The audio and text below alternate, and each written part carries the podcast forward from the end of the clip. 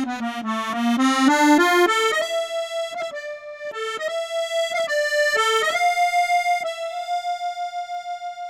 dobry. Bonjour. Już po raz trzeci otwieramy paryskie kroniki. Tym razem będę koncentrować się na niezwykłej osobowości. Ikonie francuskiego kina i piosenki. Tej jednej z niewielu, wobec której używanie tego ciężkiego i ważącego słowa ikona nigdy nie będzie wykorzystywane na wyrost. Przez francuską prasę nazywana angielską różą, laleczką, baby doll, Jane Birkin. Jeansy, t-shirt, grzywka, no i ten słynny koszyk, który nosiła na co dzień, jak i na wielkie wyjścia. I to właśnie ona, Brytyjka, nie francuska, ukształtowała styl, który dzisiaj nazywamy paryskim szykiem. I to także jej. Hermes dedykował najsłynniejszą torbę świata, Birkin, której wartość sięga dzisiaj nawet półtora miliona złotych. Jane Birkin odeszła niedawno, 16 lipca 2023 roku.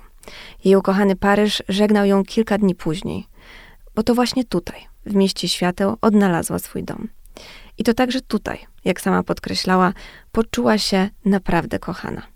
Ale jak to się stało, że wylądowała w Paryżu? Dlaczego pewnego wieczoru rzuciła się do sekwany i dlaczego zamiast torby nosiła koszyk? Ten sam, na którym później wyżywać będą się jej życiowi partnerzy. Jeden z nich przecież w złości przejedzie po nim samochodem. O tym wszystkim już za chwilę. Jane urodziła się w 1946 roku w Londynie. Później, już jako dorosła osoba, mieszkająca we Francji, usłyszy, że był to fatalny rok dla wina. Szkoda, że nie urodziła się pani rok później. Wtedy moglibyśmy zaoferować pani coś znacznie lepszego, usłyszała w jednej z paryskich restauracji. Jej matka, Judy Campbell, była aktorką, więc mała Jane od dziecka przyglądała się, jak mama występuje na scenie. I pewnie to też dlatego zdecydowała się podążać taką samą karierą. Ojciec David Birkin podczas II wojny światowej służył w Royal Navy jako nawigator. Zawsze była bardzo bliska z bratem, później reżyserem i scenarzystą Andrew Birkinem i siostrą Lindą. W swoich pamiętnikach opowiadała o tym, jak niesamowite dzieciństwo mieli we trójkę. Jakie ciepłe, przyjazne, sielankowe. Ale początki jej wcale nie były takie łatwe, mimo wszystko. W wieku 12 lat, jak e, inne dziewczynki z e, wysoko postawionych rodzin w Londynie, jak sama Jane Birkin mówi, rodzin chic, była wysłana do szkoły z internatem. Sama chciała, bo wiedziała, że wszystkie inne dziewczynki będą miały taką samą przygodę, więc myślała, że będzie to coś wyjątkowego, wspaniałego. Ale tam niestety życie wyglądało troszeczkę inaczej. Dziewczynki wyśmiewały ją za jej wygląd. Była wysoka i kompletnie płaska, więc nazywały ją półchłopcem. Ta zamykała się w pokoju i pisała pamiętniki od najmłodszych lat, żeby wyrzucić wszystko z siebie. Dedykowała te pamiętniki ukochanemu pluszakowi, małpce, którą wygrała na loterii. Setki nocy przepłakała, tuląc go do siebie, przez co główka zabawki była już do końca wyblakła. Później zresztą te pamiętniki zatytułuje Monkey Diaries i je wyda, mimo że wtedy, kiedy była jeszcze małą dziewczynką i skrobała w notatniku, nie spodziewała się, że kiedykolwiek, komukolwiek pokazałaby swoje myśli te najbardziej głębokie, te najbardziej frustrujące i może nawet w pewnym stopniu wstydliwe. W szkole nie była orłem, mimo że się bardzo starała i chciała, żeby rodzice byli z niej niezwykle dumni. Bardzo dużo się uczyła po nocach, ale jej oceny nie wykazywały tego, jak bardzo się starała. Od nauczyciela usłyszała, że przecież zawsze ktoś musi być na końcu. No i była to ona. Wychowywała się w czasach swingującego Londynu, rewolucji seksualnej i obyczajowej, kiedy do głosu wreszcie doszli młodzi. I to nie jak dotychczas wysoko postawieni arystokraci, ale z klasy robotniczej. Mówili więc charakterystycznym dla tej warstwy społecznej kokni. To były czasy wolności, wyzwolenia. Młodzi nie zgadzali się ze staroświecką, skostniałą wizją świata. Dokonali więc prawdziwej kulturowej i obyczajowej rewolucji, doskonale przedstawionej w filmie dokumentalnym My Generation, gdzie po meandrach ówczesnej rzeczywistości oprowadza ikona brytyjskiego kina Michael Caine. Młodzi mieli zdecydowaną przewagę, bowiem szacuje się, że w tamtych czasach prawie 40% Brytyjczyków miało mniej niż 25 lat.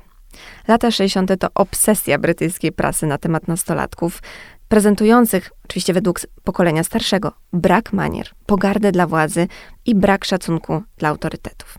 Jednak świat im sprzyjał. Nastolatki zaczęły zarabiać pierwsze pieniądze i wydawać je na przyjemności. Kino, imprezy i ubrania. Na rynku pojawiły się pierwsze tabletki antykoncepcyjne, które nie tylko pozwalały kobietom na prawdziwą wolność, tutaj bez obawy o, o, o takie skutki jak niechciana ciąża, ale przyniosły seksualną rewolucję. Nowa generacja zaczęła dyktować warunki i sprzeciwiać się zarezerwowanej dla elit i arystokracji kulturze. Chciała uczestniczyć w kreowaniu przekazu medialnego i realnie widzieć w nim swoją reprezentację. Przewrót dotknął absolutnie każdej dziedziny. Kino, muzykę, ale i modę. Wyobraźmy sobie na moment ten swingujący Londyn, ten niesamowity, buzujący zmianą Londyn. Na miejscu tworzyli i przechadzali się ulicami brytyjskiej stolicy Twiggy, David Bailey, Mary Quant, Barbara Hulenicki czy Jane Shrimpton, modelka, która była twarzą obok Twiggy tych czasów, tych nowych, wolnych czasów. Zresztą Jane Birkin mówiła o Jane Shrimpton, że chciałaby być tak ładna jak ona i nazywała siebie jej złą, gorszą wersję. Mówię o tym wszystkim, bo ten pakiet informacyjny jest niezbędny, by zrozumieć, z czym Jane wyruszyła do Paryża, z jaką wizją świata, co widziała, co przeżyła? I co chciała później pokazać Francuzom w ich stolicy. Zanim jednak na stałe przesiedli się do Paryża w 1968 roku, pojedzie tam jeszcze w wieku 17 lat w 1963. Ojciec wysłał ją do Madame P, jak pisze w swoich pamiętnikach, by nabrała ogłady dobrych manier. Poznała kulturę, kuchnię. Ojciec David y, kochał wszystko, co francuskie. Mm, logiczne było więc, że wyśle córkę właśnie tam, na drugi koniec kanału La Manche. Założenie było takie, że po powrocie do Anglii będę debiutantką i wyjdę za mąż, pisze w pamiętnikach Jane. Mieszkała przy 67 Boulevard de Lannes, w tym samym budynku co Edith Piaf. Pewnego dnia, wracając do domu, zobaczyła przed wejściem tłumy. Domyśliła się więc, że może mieć to coś wspólnego z ikoną muzyki. Podeszła do drzwi i usłyszała od operatora kamery no cheese. Jade nie zrozumiała, o co mu chodzi. Odparła więc no, no cheese, że pas du fromage, nie mam sera. Próbowała nie parsknąć śmiechem, podczas gdy inny kolega po fachu, przyglądając e, się całej tej scenie, przyłożył palec do ust i zaczął ich uciszać. Dopiero gdy udało się wejść na klatkę schodową, zrozumiała, co tak naprawdę się wydarzyło. Edith Piaf tego dnia zmarła. W tym budynku, w którym mieszkała młoda Jane. Kolejne dni były w tym miejscu bardzo burzliwe. Tłumy paparazzi, tłumy operatorów, dziennikarzy, redaktorów. Gdy wychodziła z kamienicy, notorycznie mylono ją z François Zardy, słynną piosenkarką lat 60. i rzeczywiście mają w sobie pewne podobieństwo. E, teraz obok mnie leży jej pamiętnik, który po latach e, wydała Jane Birkin, Monkey Diaries, 1957-1982 rok i patrzy na mnie z okładki tymi swoimi wielkimi oczami, sarnimi, niezwykłymi, z lekko otwartymi ustami i tą niesamowitą francuską grzywką, zresztą podobną do tej, którą nosiła François Zardy, mają w sobie coś wspólnego, więc nic dziwnego, że paparazzi, operatorzy, ale i fani mylono ją z inną ikoną Paryża. Ale to się wydarzyło tylko wtedy, jeszcze zanim Jane będzie budowała własną karierę. Później już nikt nigdy jej z nikim nie pomyli. Po tym małym wyjeździe do Paryża, gdzie, jak mówił ojciec, miała um, nabrać ogłady, po powrocie do Wielkiej Brytanii chciała pójść ścieżkami matki i zacząć w aktorstwie. I to właśnie ona, Judy, pomagała jej przy pierwszych castingach. To ona też powiedziała jej o pierwszych przesłuchaniach e, do sztuki teatralnej, w której wystąpiła w wieku 17 lat, The Ladies Not for Burning Christophera Frya. Młoda Birkin bardzo szybko weszła do kreatywnego towarzystwa Londynu. Zaczęła grywać w przedstawieniach teatralnych, miała niewielkie role w filmach, poznawała coraz to bardziej wpływowych ludzi, bo była młodą dziewczyną, lubiła się bawić, a Londyn lat 60. dawał naprawdę wiele możliwości.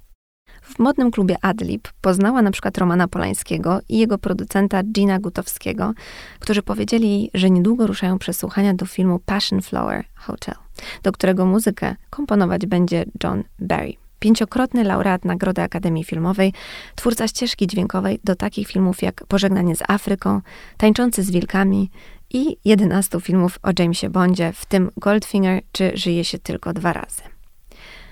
Poznali się na planie. John Barry i Jane Birkin na planie filmu Passion Flower Hotel i John totalnie stracił dla niej głowę, zresztą w drugą stronę zadziałało to dokładnie tak samo. Młoda Jane była zafascynowana e, starszym mężczyzną, starszym o 13 lat, e, dlatego że kiedy ona kończyła 18, on miał już 31 i to będzie miało w przyszłości e, znaczenie, zresztą o tym za chwilę. John Barry bardzo szybko oświadczył się Jane. A jako, że wciąż była nieletnia, bo miała 17 lat, kiedy zagrała w filmie, do którego on komponował muzykę, rodzice dziewczyny nie chcieli zgodzić się na ten ślub. Ojciec krzyczał nawet, że pójdzie do sądu, by zatrzymać plany matrymonialne córki. Jednak pewnego dnia Barry podjechał swoim Jaguarem E-Type i wyprowadził Jane za rękę z domu. Wsiadła do pojazdu, kładąc swój wielki kosz na kolanach. Trzy miesiące później miała już 18 lat i była mężatką. Choć Jane mogła mieć e, wizję tego, jak wspaniałe będzie życie małżeńskie i to z kimś e, tak utytułowanym, fascynującym i inspirującym jak John Barry, który był częścią tego swigującego Londynu, był częścią towarzystwa, która tworzyła kulturę jutra. Te realia wyglądały zupełnie inaczej i ich życie codzienne wcale nie było usłane różami. Tak jak wspominałam, był od niej 13 lat starszy, miał 31 lat i wiódł już życie praktycznie ustatkowanej osoby, taka, która chciała spokoju. Jane miała dopiero 18 lat. Jej kariera dopiero ruszała i chciała przeżywać, chciała doświadczać, chciała po prostu żyć. A starszy mąż, mimo że był młodą osobą, 31 lat, wtedy miał troszeczkę inną wizję ich e, wspólnego życia. Nie rozumiał, dlaczego się denerwuje, dlaczego płacze, dlaczego czegoś oczekuje. Chciał po prostu spokoju, by tworzyć wielkie dzieła filmowe. Jane Birkin w Monkey Diaries przyznaje, że na palcach jednej ręki może policzyć zbliżenia seksualne, które miała ze swoim mężem. Po jednym z nich zaszła w ciąży. Dziewięć miesięcy później urodziła się Kate Berry. Oczko w głowie matki przyszła genialna fotografka. Ale Jane ciągle było mało ciągle nie rozumiała, czemu jej mąż tak bardzo się nią nie interesuje. Pamięta też, jak e, Newsweek przyszedł do nich na wywiad, oczywiście z Johnem, żeby zapytać o kolejne plany, o kolejne filmy, i później zobaczyła w gazecie ich wspólne zdjęcie przy samochodzie, przy Jaguarze E-Type i podpis John Barry, jego samochód E-Type i jego żona E-Type. I wtedy stwierdziła, że nie chce być po prostu czyjąś żoną, która jest w ten sposób nazywana w magazynach, że chciałaby czegoś więcej. Rzuciła się wtedy w wir pracy. W międzyczasie wystąpiła w psychodelicznym filmie Wonderwall, do którego muzykę skomponował George Harrison z Beatlesów i Blow Up, słynne powiększenie Antonioniego. Dostała bardzo małą rulkę, w zasadzie jest tylko na ekranie przez dwie minuty, ale za to jak ważne. Antonioni powiedział jej, że musiałaby wystąpić zupełnie nago. I wtedy jej mąż John Barry powiedział: W życiu się na to nie odważysz.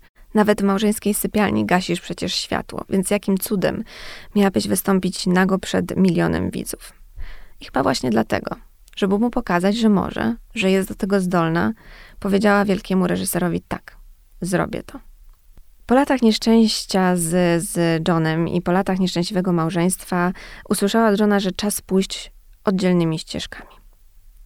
Miała 20 lat i była rozwódką. Co miała zrobić?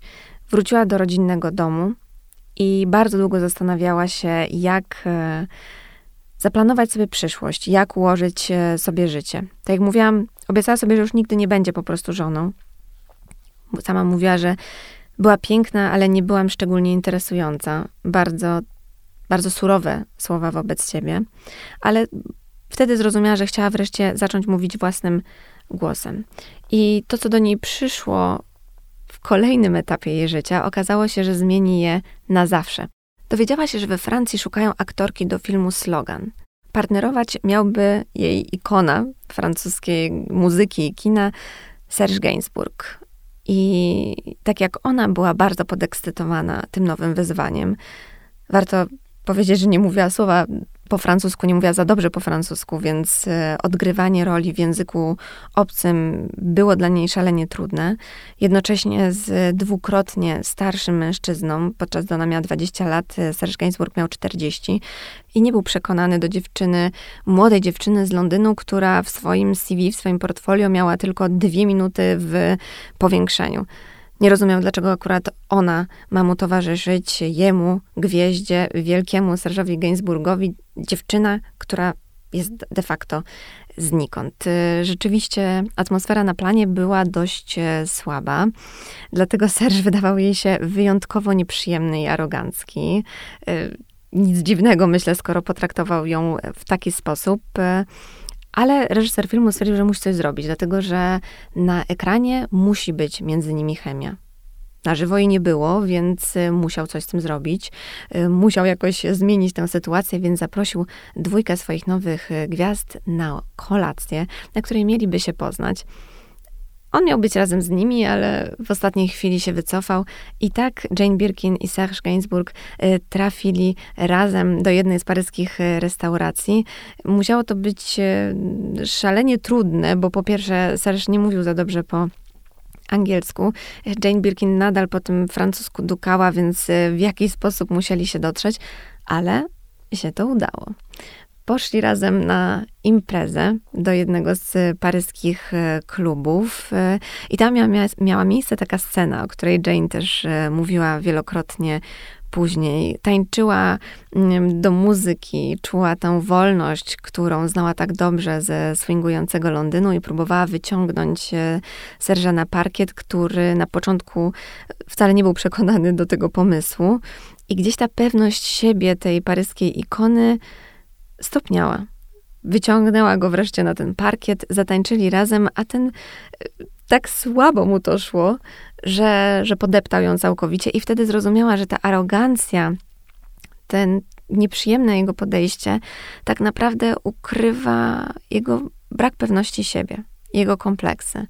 I wtedy też tak naprawdę go polubiła. Spędzili ze sobą czas e, do szóstej rano, tańcząc, rozmawiając, bawiąc się.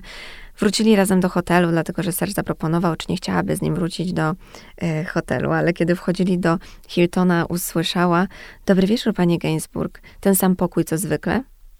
No i wtedy co się zakuło. Poczuła, że za szybko otworzyła się przed nieznajomym. Nie chciała być dziewczyną na jedną noc, więc po wejściu do pokoju hotelowego od razu go zapytała, gdzie jest łazienka, bo musi się na chwilę odświeżyć.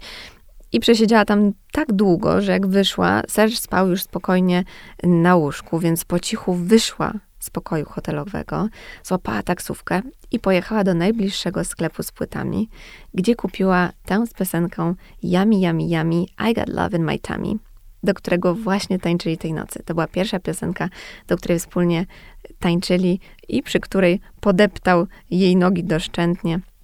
Więc kupiła tę płytę, wróciła do pokoju hotelowego i wetknęła mu ją między palce u stóp i wybiegła.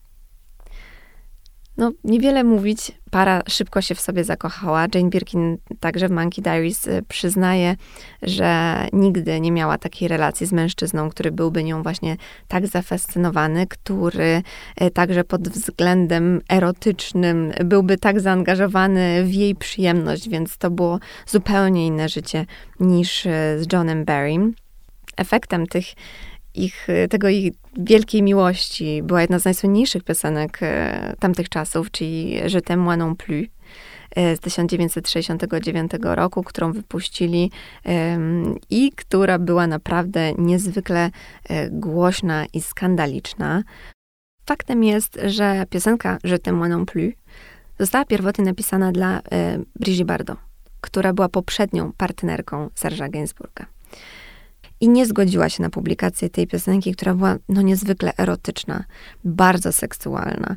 Mm, te oddechy, które przypominały orgazm, to nie, nie, nie było coś, co mąż Brigitte Bardot e, chciał puścić e, do świata. Nie chciał, żeby ludzie e, usłyszeli o tym, jak Brigitte Bardot z innym mężczyzną, notabene tutaj oddycha i chucha do mikrofonu. Zresztą e, osoba, która to nagrywała w studiu, mówiła, że byli ze sobą bardzo, bardzo blisko.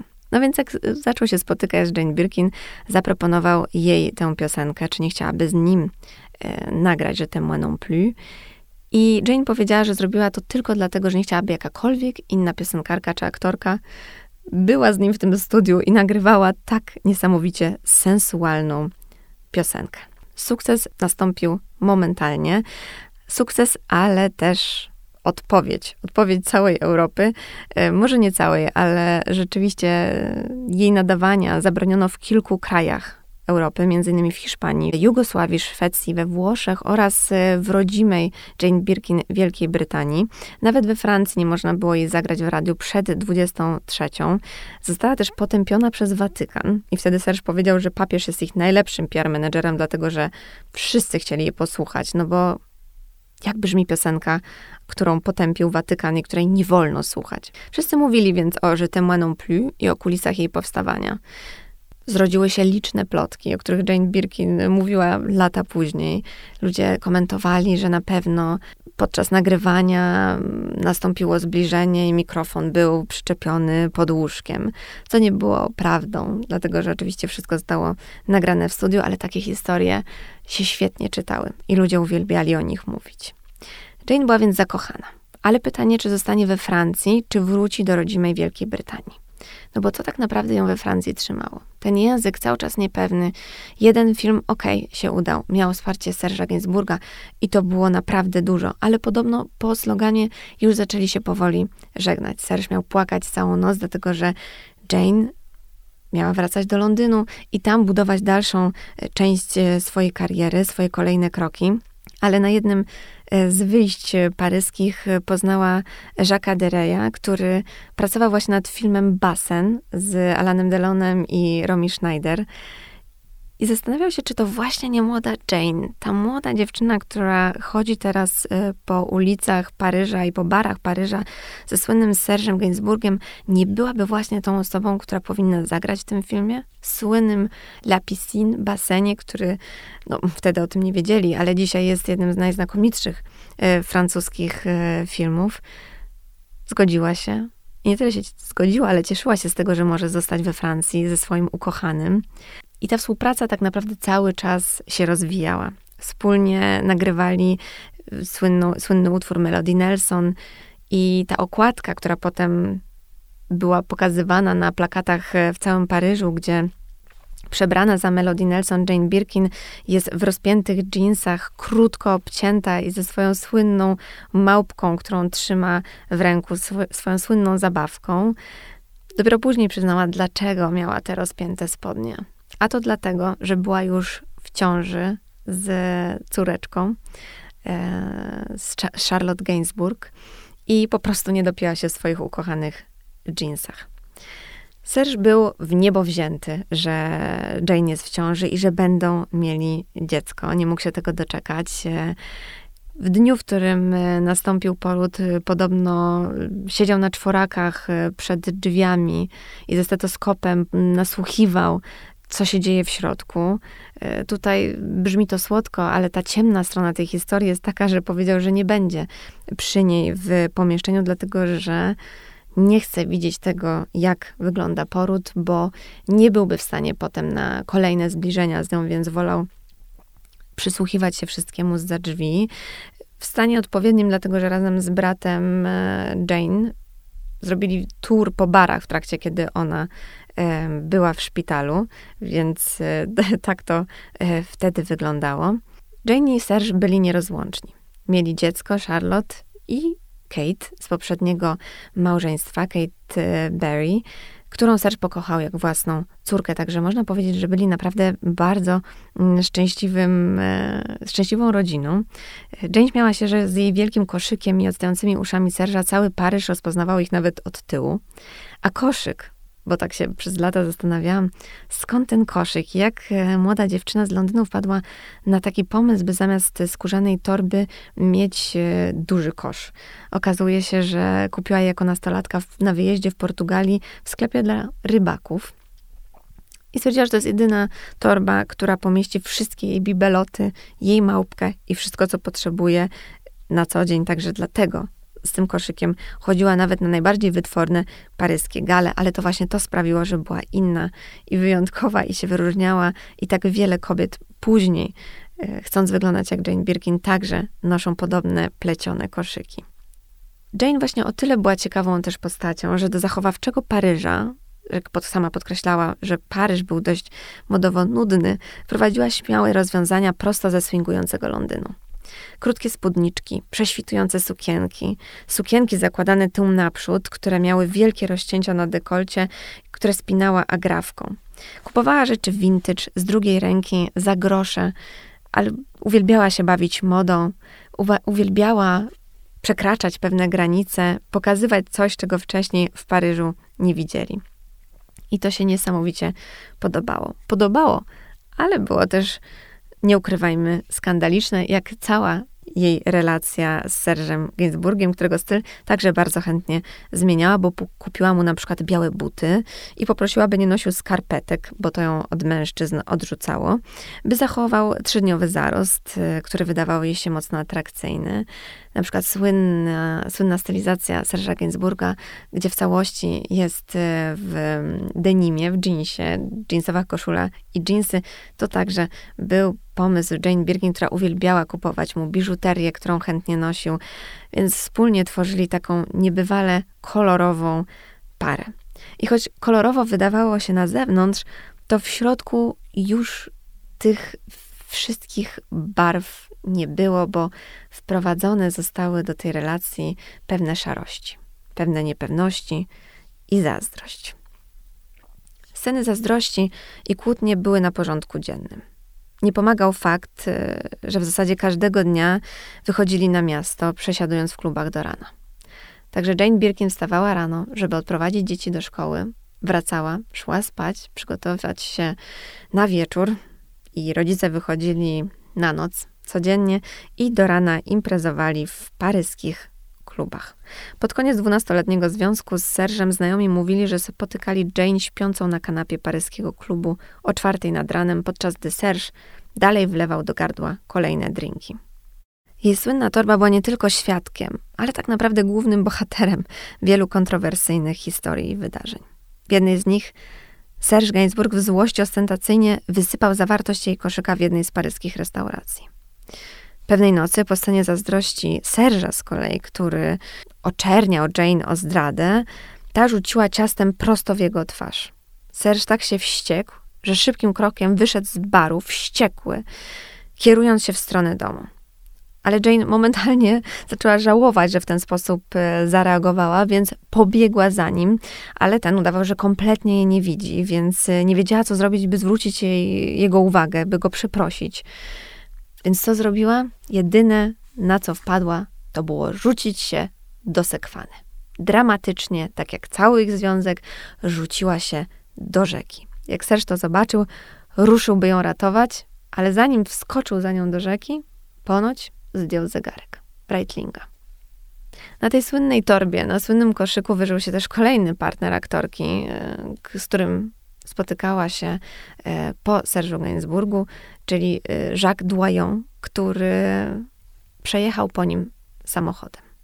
Także ten koszyk przeżył naprawdę, naprawdę wiele. Życie z Serżem jednak nie było łatwe, bo życie z osobą uzależnioną od alkoholu do najłatwiejszych nie należy.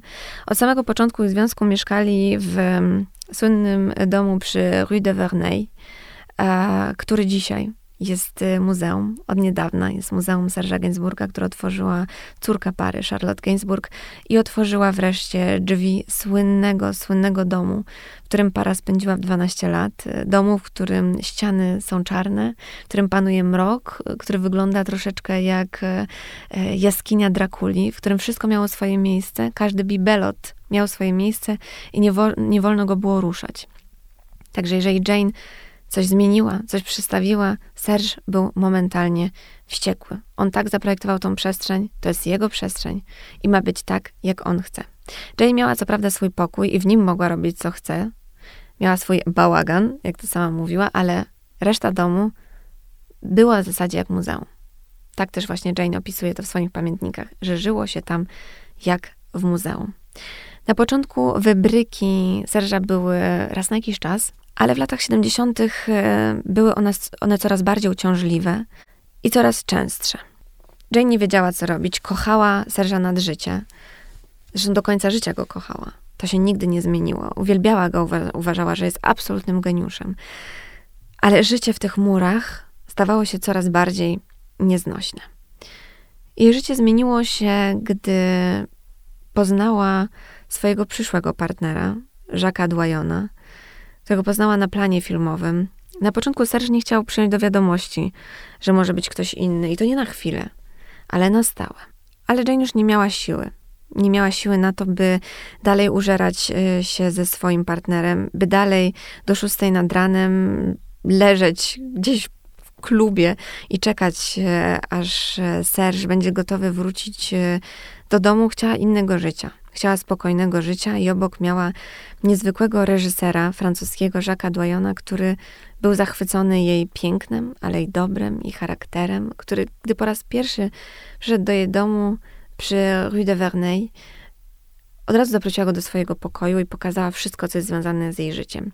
Nie wiedziała dlaczego, ale miała taką silną potrzebę, by ten ją naprawdę poznał, by naprawdę wiedział, z kim ma do czynienia. Pokazała więc mu zdjęcia z dzieciństwa, małpkę, wszystko, co budowało jej świat. I wtedy zrozumiała, że to jest dla, dla niej ktoś ważny i że kimś ważnym zawsze pozostanie.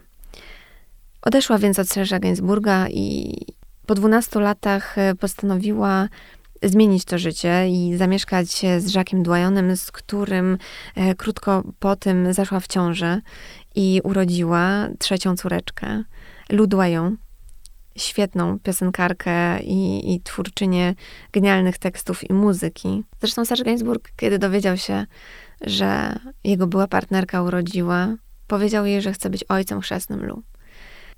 Jane była niezwykle wzruszona. Tylko tyle, a może aż tyle chciała. Miała nadzieję, że mimo, że podjęła taką decyzję, której wydaje się, że żałowała, tak między słowami można odczytać w jej pamiętnikach, że tak naprawdę zawsze miała w sercu i w głowie tylko Serża Gainsburga i gdyby nie to, że tak trudno było z nim prowadzić życie codzienne, to by na pewno z nim została. I to, że mogła z nim spędzić ten czas później i że mogła się z nim przyjaźnić, mogła być jego powierniczką, było dla niej najbardziej cenne. I to, że chciał zostać ojcem chrzestnym jej małej córeczki, było kolejnym, kolejnym wielkim szczęściem. Ale i kolejny związek Jane e, nie był do końca udany. I tak naprawdę dopiero w wieku 40 lat, y, jak sama podkreślała, jej życie zawodowe stało się coraz bardziej bogate i dopiero wtedy skupiła się tak naprawdę na sobie. Zagrała na scenie w sztuce Marivaux w reżyserii e. Dała pierwszy koncert Bataclan. Zaczęła się rozwijać na własnych zasadach. Później powie przecież, że robię to, co kocham. To nie jest mój zawód, ale sposób życia. I to jest coś, co też podkreślały całe życie jej córki, że to, co robi, jest z miłości i po to, żeby dzielić się tymi emocjami ze swoimi odbiorcami. W 1984 roku w podróży z Paryża do Londynu spotkała dyrektora generalnego Hermesa e, Jeana-Louis Dumas, który siedział obok niej w samolocie. Stewardesa kazała jej schować słomiany koszyk w schowku nad głową, co było nie lada wyzwaniem, bo był naprawdę spory i podczas próby jego zamieszczenia tam wszystko wysypało się na ziemię. Poddenerwowana Jane zdradziła Duma, że chciałaby mieć skórzaną torbę weekendową, która byłaby atrakcyjna i mogłaby pomieścić wszystkie jej bibeloty. Taką większą wersję słynnej Kelly. No i dyrektor generalny Hermes usłyszał jej prośby i tak powstała słynna Birkin. Chyba najsłynniejsza torba w historii mody, po którą w kolejkach ustawiają się kobiety z całego świata. Rzeczywiście torba, po którą naprawdę czeka się niekiedy latami, najdroższa torba na świecie. Ale to 2013 rok był dla Jane momentem przełomowym. To był moment, w którym powiedziała, że zatrzymał się dla niej czas. Zatrzymały się zegary. Wraz z samobójczą śmiercią Kate Berry, jej pierwszej córki, ukochanej, który był dla niej potwornym ciosem. Przez lata nie mogła przestać się obwiniać za to, że nie zrobiła wystarczająco, że może powinna zrobić więcej, mimo że była niezwykle kochającą matką, która poświęciłaby wszystko dla swoich dzieci, cały czas szukała czegoś, co zrobiła źle. O tym mówi też jej ostatnia, niezwykle poruszająca płyta O Pardon, tu dormais, wydana w 2020 roku. Mówi w niej o utraconych bliskich, o ojcu, o Kate właśnie, ale i o Serżu, z którym mimo rozstania do końca życia pozostała w bliskich relacjach i którego naprawdę szczerze kochała.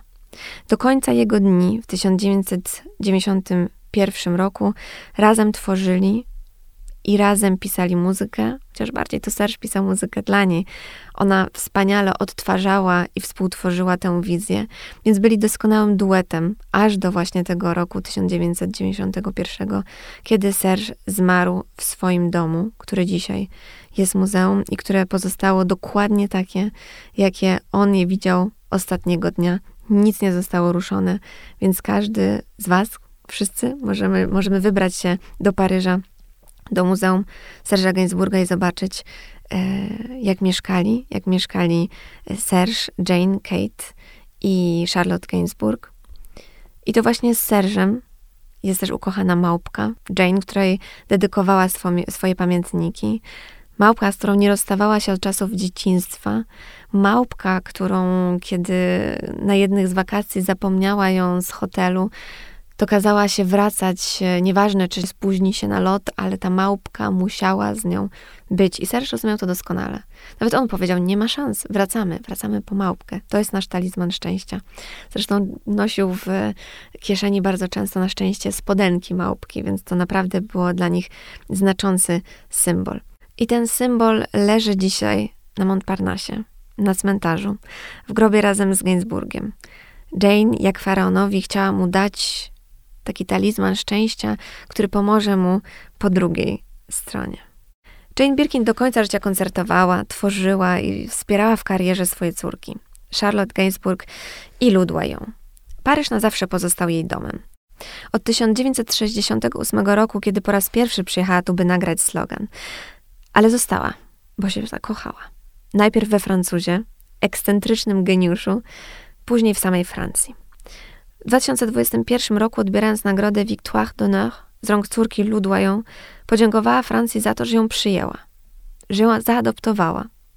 Zresztą jak wracała później, lata później do Londynu, matka jej mówiła, że przecież w Londynie nikt cię nie zna, że tak się skupiłaś na tej karierze, tak się skupiłaś na tej karierze we Francji, że tutaj w Londynie to niewiele osób wie o tym, więc wróciła. Wróciła na jakiś czas do Londynu i pamięta doskonale, jak wylądowała w, w swoim domu, swoim, w swoim mieście rodzinnym jechała taksówką i taksówkarz pyta ją, a skąd pani przyleciała? Z Paryża. Co pani robi w tym Paryżu? Wie pan, gram, śpiewam, a nagrała pani coś, co mogę kojarzyć? I ona powiedziała, tak spojrzała przez okno i powiedziała, może zna pan Je t'aime non plus. I w tym momencie taksówkarz z impetem zahamował, spojrzał na nią i powiedział, proszę pani, ja przy, tym, przy tej piosence to spłodziłem pięć dzieci. Pytana w jednym z wywiadów o to, w jakim języku śni, zawahała się na chwilę, ale odpowiedziała en français, po francusku, w czerni i bieli, w odcieniach jej najbardziej ikonicznych zdjęć. Osobiście Jane Birkin jest dla mnie niesamowicie znacząca. Osobą, która ukształtowała gdzieś e, także personalnie mój gust e, i styl i wrażliwość e, do francuskiej kultury i francuskiej mody. Zresztą nieprzerwanie inspiruje projektantów. Ostatnio na pokazie Balenciagi wiosna-lato 2024 pokazano torbę do złudzenia przypominającą tą, którą nosiła Jane. Cała ozdobiona bibelotami, uważała, że jest ciekawsza, fajniejsza, Teraz jest bardziej moja, mówiła. Jestem przekonana, że kolejne lata, dekady będą przynosiły kolejne odsłony i interpretacje jej stylu i wrażliwości. Dziękuję, że byliście dzisiaj ze mną i wspólnie mogliśmy odkryć kolejny rozdział paryskich kronik. Zrozumieć, skąd wziął się ten paryski szyk, że tak naprawdę to Jane Birkin i jej prostota, jej miłość do ponadczasowości, do tych jeansów, do t-shirtów, ten koszyk, e, ten minimalistyczny makijaż, e, niedbale uczesane włosy, że to wszystko jest tak naprawdę tym językiem, który stworzył francuski szyk. I to jej powinniśmy się ukłonić e, za to, jaki miała wpływ na francuską modę i wciąż na pewno będzie miała na nią wpływ. Dziękuję, że byliście dzisiaj ze mną. Słyszymy się już za dwa tygodnie z kolejnymi opowieściami prosto z miasta świata. Do usłyszenia.